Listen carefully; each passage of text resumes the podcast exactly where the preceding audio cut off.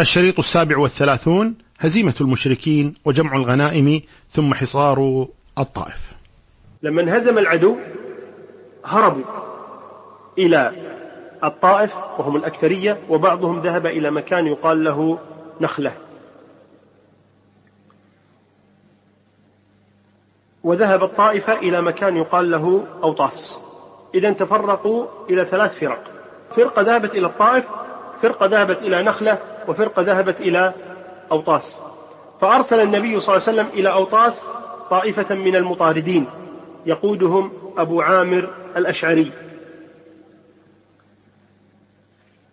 قال أبو موسى الأشعري رضي الله عنه لما فرغ النبي صلى الله عليه وسلم من حنين بعث أبا عامر على جيش إلى أوطاس. فلقي دريد بن الصمة فقتل دريد. وهزم الله أصحابه. قال أبو موسى وبعثني مع أبي عامر. أي إلى الذين ذهبوا إلى أوطاس. يقول فرمى أبو عامر أو فرمي أبو عامر في ركبته. أي جاءه سام فأصاب ركبته.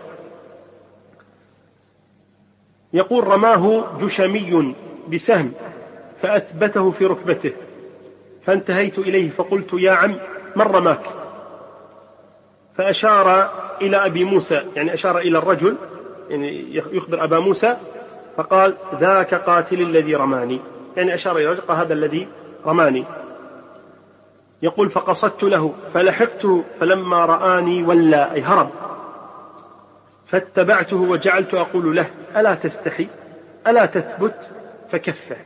هذه يعني هذا مشرك وخايف وهارب يطارده أبو موسى الأشعري فيفر فأبو موسى الأشعري يناديه يقول ألا تستحي ألا تثبت؟ يعني ما تر ما تستحي أنت. فوقف الرجل. هذا أمر عجيب. يعني العرب على كفرهم على شركهم إلا أن هذه المسائل مسائل المرجلة الرجولة كانت عندهم. فلما قال ألا تستحي؟ ألا تكف عن الهرب؟ ألا تثبت؟ وقف الرجل. يقول أبو موسى فاختلفنا ضربتين بالسيف فقتلته. ثم قلت لأبي عامر قتل الله صاحبك. يعني بيدي. قال فانزع هذا السهم. يقول فنزعته فنزل منه الماء.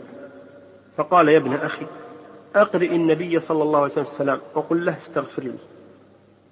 يقول واستخلفني أبو عامر على الناس. يعني بعد أن مات جعلني أنا القائد على الناس. يقول فرجعت فدخلت على النبي صلى الله عليه وسلم في بيته على سرير مرمل وعليه فراش قد أثر رمال السرير بظهره وجنبيه صلى الله عليه وسلم. يقول فأخبرته بخبرنا وخبر أبي عامر. وقلت له ما قاله أبو عامر أنه قال قل له استغفر لي. فدعا النبي صلى الله عليه وسلم بماء فتوضأ ثم رفع يديه فقال اللهم اغفر لعبيد أبي عامر. وهنا قول فدعا بماء فتوضأ ثم رفع يديه يدل على أمور. منها أن النبي صلى الله عليه وسلم كان يدعو لأصحابه صلوات الله خاصة إذا طلبوا ذلك منه. ثم ثانيا يدل على أن السنة الإنسان إذا أراد أن يذكر الله بدعاء أو غيره السنة أن يتوضأ وإذا توضأ النبي صلى الله عليه وسلم. ويدل كذلك على أن السنة في الدعاء رفع اليدين ولذلك رفع يديه عند الدعاء. ثم قال اللهم اغفر لعبيد أبي عامر. يقول ورأيت بياض إبطيه يعني بالغ في رفع يديه صلوات الله وسلامه. ثم قال اللهم اجعله يوم القيامة فوق كثير من خلقك من الناس. هنا أبو موسى قال فقلت ولي فاستغفر. كما استغفرت له استغفر لي. فقال اللهم اغفر لعبد الله بن قيس ذنبه وأدخله يوم القيامة مدخلا كريما. قال أبو بردة ابن أبي موسى يقول إحداهما لأبي عامر والأخرى لأبي موسى أي الدعاء الذي دعا به النبي صلى الله عليه وسلم. هذه الطائفة الأولى طاردت كما قلنا المشركين والطائفة الثانية طاردت الذين سلكوا نخلة فأدركت من أدركت وقتلتهم. والأعظم الأكثر البقية الباقية ذهبوا إلى الطائف كما قلنا. جمع النبي صلى الله عليه وسلم المسلمين وجمع الغنائم صلوات الله وسلامه عليه وكانت الغنائم شيئا عجيبا. بلغت ستة آلاف رأس من السبي وأربعة وعشرون ألفا من الإبل وأربعين ألفا من الغنم وأربعة آلاف أوقية فضة فأمر النبي صلى الله عليه وسلم بجمعها. ثم حبث الغنائم جميعا بالجعرانة. يقال الجعرانة ويقال الجعرانة يعني بتشديد العين وبتسكينها. ولم يقسمها حتى ذهب إلى الطائف صلوات الله وسلامه عليه. وكانت من ضمن يعني السبي الشيماء أخت النبي صلى الله عليه وآله وسلم من الرضاعة. دخل المشركون الطائف بقيادة مالك بن عوف النصري وتحصنوا بها. فذهب النبي صلى الله عليه وسلم إلى الطائف وحاصرها صلوات الله وسلامه عليه. واستمر الحصار أربعين يوما. ونصب النبي صلى الله عليه وسلم كما هو مشهور المنجنيق على أهل الطائف أي رماهم بالمنجنيق صلوات الله وسلامه عليه. ثم نادى منادي النبي صلى الله عليه وسلم أيما عبد نزل من الحصن وخرج إلينا فهو حر. فخرج إليه ثلاثة وعشرون أي عبدا منهم أبو بكر الثقفي اللي صار من أصحاب النبي صلى الله عليه وسلم بعد ذلك. وكان أهل الحصن قد استعدوا بحصنهم ذلك وكان عندهم ما يكفيهم سنة كما قيل. ثم أذن النبي صلى الله عليه وسلم بالناس إنا قافلون غدا إن شاء الله. خلاص سنرجع. ما راح نقاتل. دام نتحصن وها سنرجع. فتقول ذلك عليهم. قالوا يا رسول نذهب ولا نفتح الحصن؟ كيف هذا؟ فقال النبي صلى الله عليه وسلم أغدوا إلى القتال. لا قاتلوا. ما تريدون ترجعون؟ قاتلوا. فغدوا إلى القتال فأصابهم جراح. أصيبوا. ذلك محصنين. فقال النبي صلى الله عليه وسلم إنا قافلون غدا. فسروا بذلك وأذعنوا. فتبسم النبي صلى الله عليه وآله وسلم. وقيل يا رسول الله ادعو على ثقيف فقال اللهم اهد ثقيفا وأت بهم فهذا هو دعاء النبي صلى الله عليه وسلم على ثقيف لأنه دعا لهم صلوات الله وسلامه عليه. ولما رجع رسول الله صلى الله عليه وسلم من الطائف جاءه عروة بن مسعود فاتبعه وأسلم. وعروة بن مسعود هذا هو الذي جاء للنبي صلى الله عليه وسلم وتكلم معه قبيل صلح الحديبية والذي قال بعد أن رجع إلى أهل مكة دخلت على ملوك فارس والروم ودخلت على النجاشي في ملكه وغيرهم يقول فما وجدت أحدا يعظم أحدا كما يعظم أصحاب محمد محمدا صلوات الله وسلامه عليه. قال ابن إسحاق لما انصرف رسول الله صلى الله عليه وسلم من الطائف اتبع أثره عروة بن مسعود حتى أدركه قبل أن يدخل المدينة فأسلم وسأله أن يرجع إلى قومه بالإسلام. فقال رسول الله صلى الله عليه وسلم كما يتحدث قومك إنهم قاتلوك. وعرف رسول الله صلى الله عليه وسلم أن فيهم أن فيهم نخوة الامتناع الذي كان منهم. فقال عروة يا رسول الله أنا أحب إليهم من أبكارهم. وكان فيهم كذلك محببا مطاعا. فخرج يدعو قومه إلى الإسلام. رجاء لا يخالفوه لذلك لمنزلته فيهم. فلما أشرف لهم على علية له يعني مكان مرتفع وقد دعاهم إلى الإسلام وأظهر لهم دينه رموه بالنبل من كل وجه فأصابه سهم فقتله. فقيل لعروة ما ترى في دمك؟ قال كرامة أكرمني الله بها وشهادة ساقها الله لي فليس في إلا ما في الشهداء الذين قتلوا مع رسول الله صلى الله عليه وسلم قبل أن يرتحل عنكم فادفنوني معهم. فدفنوه معهم. هذا عروة بن مسعود رضي الله عنه. أسلم وتابع النبي صلى الله عليه وسلم ثم وقع من قومه أنهم قتلوه رحمه الله ورضي عنه. رجع النبي صلى الله عليه وسلم من حصار ثقيف في الطائف رجع إلى الجعرانة أو الجعرانة كما قلنا إما بإسكان العين أو بكسرها وتشديد الراء يعني الجعرانة أو الجعرانة رجع النبي صلى الله عليه وسلم ومكث بالجعرانة بضع عشرة ليلة لا يقسم الغنائم. ينتظر هوازن أن تأتي تائبة فيعطيهم أموالهم صلوات الله وسلامه عليه. وأعطى النبي صلى الله عليه وسلم أبا سفيان بن حرب أربعين أوقية ومئة من الإبل. وأعطى حكيم بن حزام مئة من الإبل. وأعطى صفوان بن أمية مئة من الإبل. ثم مئة ثم مئة. وأعطى الحارث بن الحارث بن كلدة مئة من الإبل. وأعطى آخرين على خمسين خمسين. يعني من الإبل. ولم يعطهم مئات كما أعطى الآخرين. صلوات الله وسلامه عليه. كل هذا لتأليف قلوبهم صلوات الله وسلامه عليه. بعضهم من المسلمين الذين أسلموا بالفتح وبعضهم من الذين ما زالوا على الشرك فكان النبي صلى الله عليه وسلم يتألفهم بهذه الأموال. وأعطى بعض الناس خمسين وأعطى بعضهم أربعين بحسب مكانته من قومه يتألفهم بها صلوات الله وسلامه عليه. فازدحمت عليه الأعراب صلوات الله وسلامه عليه ويطالبون بالمال حتى اضطروه إلى شجرة. فقال أيها الناس والذي نفسي بيده لو كان عندي شجر تهامة.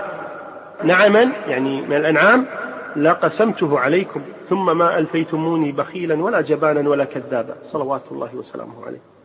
أيها الناس والله ما لي من فيئكم ولا هذه الوبرة إلا الخمس والخمس مردود عليكم. وساق لنا البخاري فعل بعض الأعراب مع النبي صلى الله عليه وسلم عن أبي سعيد الخدري قال بعث علي بن أبي طالب رضي الله عنه إلى رسول الله صلى الله عليه وسلم من اليمن بذهيبة من أديم مقروض. لم تحصل من ترابها يعني ما زال فيها بعض التراب. يقول فقسمها بين أربعة نفر بين عيينة بن بدر وأقرع بن حابس وزيد الخيل والرابع إما علقم وإما عامر بن الطفيل.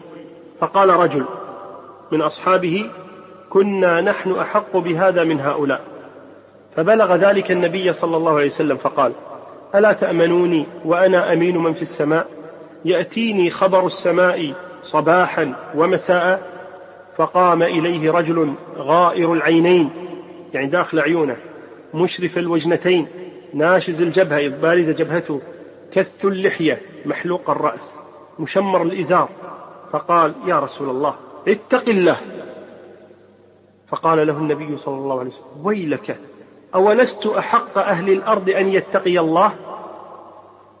ثم ولى الرجل فقال خالد بن الوليد يا رسول الله ألا أضرب عنقه؟ قال كلمة كفرية والعياذ بالله. قال ألا أضرب عنقه؟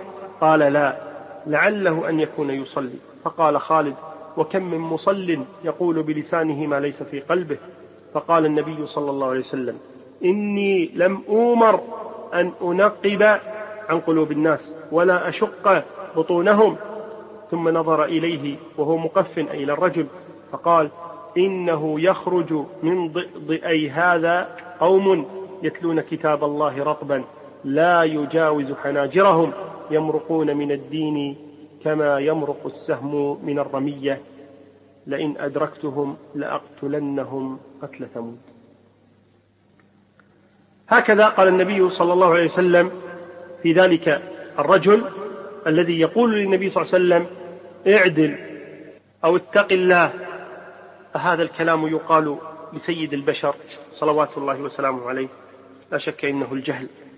الشاهد يقول أبو موسى الأشعري كنت عند النبي صلى الله عليه وسلم وهو نازل بالجعرانه ومعه بلال. فأتى النبي صلى الله عليه وسلم أعرابي فقال ألا تنجز لي ما وعدتني؟ فقال له أبشر. فقال الرجل قد أكثرت علي من أبشر. يعني ما اعطيتني شيء بس فقط تقول أبشر أبشر ما اعطيتني شيئا. فأقبل النبي صلى الله عليه وسلم علي وعلى بلال يعني على أبي موسى وبلال كهيئة الغضبان من كلام هذا الرجل. فقال رد البشرى فاقبلا أنتما. قال قبلنا. ثم أتي بقدح فيه ماء فغسل يديه ووجهه فيه ومج فيه أي تفل فيه وسلم ثم قال اشربا منه. وأفرغا على وجوهكما ونحوركما وأبشرا. فأخذ القدح ففعل. فنادت أم سلمة من وراء الستر أن أفضلا لأمكما.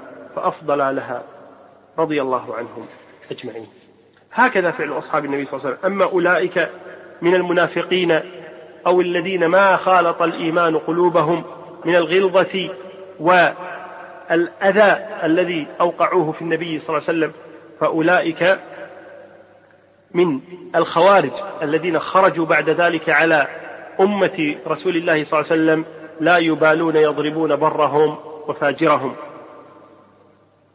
ثم فرض النبي صلى الله عليه وسلم الغنائم قسمها صلوات الله وسلامه عليه فكانت سهامهم لكل رجل أربعا من الإبل وأربعين شاة.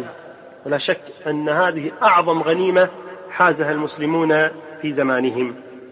أعطى النبي صلى الله عليه وسلم الناس ما أعطاهم وترك الأنصار ما أعطاهم شيئا صلوات الله وسلامه عليه. الأنصار وجدوا في قلوبهم. كيف النبي صلى الله عليه وسلم يعطي هؤلاء مسلمة الفتح وبعض أهل مكة وبعض الأعراب وبعض الناس ونحن لا يعطينا شيئا؟ فوجدوا في نفوسهم أي تضايقوا حتى كثر فيهم القول. حتى قال بعضهم لقي والله رسول الله صلى الله عليه وسلم قومه ونسينا فدخل عليه سعد بن عبادة فقال يا رسول الله وإن هذا الحي من الأنصار قد وجدوا عليك في أنفسهم لما صنعت في هذا الفيء الذي أصبت؟ قسمت في قومك وأعطيت عطايا عظاما في قبائل العرب ولم يكن في هذا الحي من الأنصار منها شيء؟ يعني ما السبب؟ ما العلة؟ في قلبك علينا شيء؟ أو ما الأمر؟ فقال النبي صلى الله عليه وسلم فأين أنت من ذلك يا سعد؟ يعني أنت إيش رأيك؟ قال يا رسول الله ما أنا إلا من قومي. من حالي حال. فقال فاجمع لي قومك في هذه الحظيرة يعني هذا المكان. وفي بعض الروايات قال ولا يدخل علينا إلا رجل من الأنصار فقط. ما أريد غيرهم. فخرج سعد فجمع الأنصار فجاء رجال من المهاجرين فدخلوا وجاء آخرون فردهم. فلما اجتمعوا له أتاه سعد فقال لقد اجتمع لك هذا الحي من الأنصار. فأتاهم النبي صلى الله عليه وسلم فحمد الله وأثنى عليه وهذه عادته. إذا أراد أن يتكلم يحمد الله ويثني عليه. سبحانه. ثم قال يا معشر الأنصار مقالة بلغتني عنكم وجدة وجدتموها علي في أنفسكم ألم آتكم ضلالا فهداكم الله؟ وعالة فأغناكم الله وأعداء فألف الله بين قلوبكم. قالوا بلى الله ورسوله أمن وأفضل. ثم قال ألا تجيبوني يا معشر الأنصار؟ قالوا بماذا نجيبك يا رسول الله؟ كلام كله صحيح. بماذا نجيبك يا رسول الله؟ لله ولرسوله المن والفضل. فقال صلوات الله وسلامه. أما والله لو شئتم لقلتم ولصدقتم ولصدقتم لو قلتم أتيتنا مكذبا فصدقناك مخذولا فنصرناك طريدا فآويناك عائلا فآثيناك لو قلتم هذا لصدقتم ولصدقتم ولكنه الأدب مع رسول الله ما يجرؤون أن يقولوا مثل هذا الكلام لرسول الله صلى الله عليه وسلم.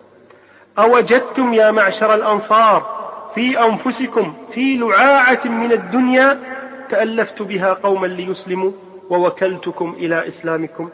ألا ترضون يا معشر الأنصار أن يذهب الناس بالشاة والبعير وترجعوا برسول الله صلى الله عليه وسلم إلى رحالكم؟ فوالذي نفس محمد بيده لولا الهجرة لكنت امرأ من الأنصار. لو سلك الناس شعبا وسلكت الأنصار شعبا لسلكت شعب الأنصار. اللهم ارحم الأنصار وأبناء الأنصار وأبناء أبناء الأنصار. فبكى القوم حتى أخضلوا لحاهم من البكاء وقالوا رضينا برسول الله صلى الله عليه وسلم قسما وحظا. ثم انصرف رسول الله صلى الله عليه وسلم. وتفرقوا أي رجعوا إلى أماكنهم. هكذا طيب النبي صلى الله عليه وسلم خاطر الأنصار الذين نصروه صلوات الله وسلامه عليه في ساعة العسرة. وقد ذكرنا أنه ممن أسر عند النبي صلى الله عليه وسلم أخته الشيماء. وهذه الشيماء بنت الحارث بن عبد العزى أرضعتها مع النبي صلى الله عليه وسلم حليمة السعدية. جاءت مع السبي فجاءت رسول الله صلى الله عليه وسلم فقالت إني أختك من الرضاعة. فقال وما علامة ذلك؟ من يشهد لك؟ قالت عضة عضضتنيها في ظهري يوم أنا صغيرة أنت عضيتني. وأنا متوركتك يعني فوقك فعضتني. يعني تقول أنا متوركة عليك يعني مستند عليك فعضتني عضة في ظهري. ما تذكرها؟ فعرف رسول الله صلى الله عليه وسلم العلامة. فبسط لها رداءه صلوات وأجلسها عليك وخيرها. قال إن أحببت الإقامة عندي فعندي محببة مكرمة. وإن أحببت أن أمتعك فترجعي إلى قومك. قالت بل تمتعني وتردني إلى قومي. ففعل صلوات الله وسلامه. ثم أسلمت وأعطاها رسول الله صلى الله عليه وسلم ثلاثة أعبد وجارية. ونعما وشاء وسماها حذافة. وأما الشيماء فهو لقب لها رضي الله عنها وأرضاها.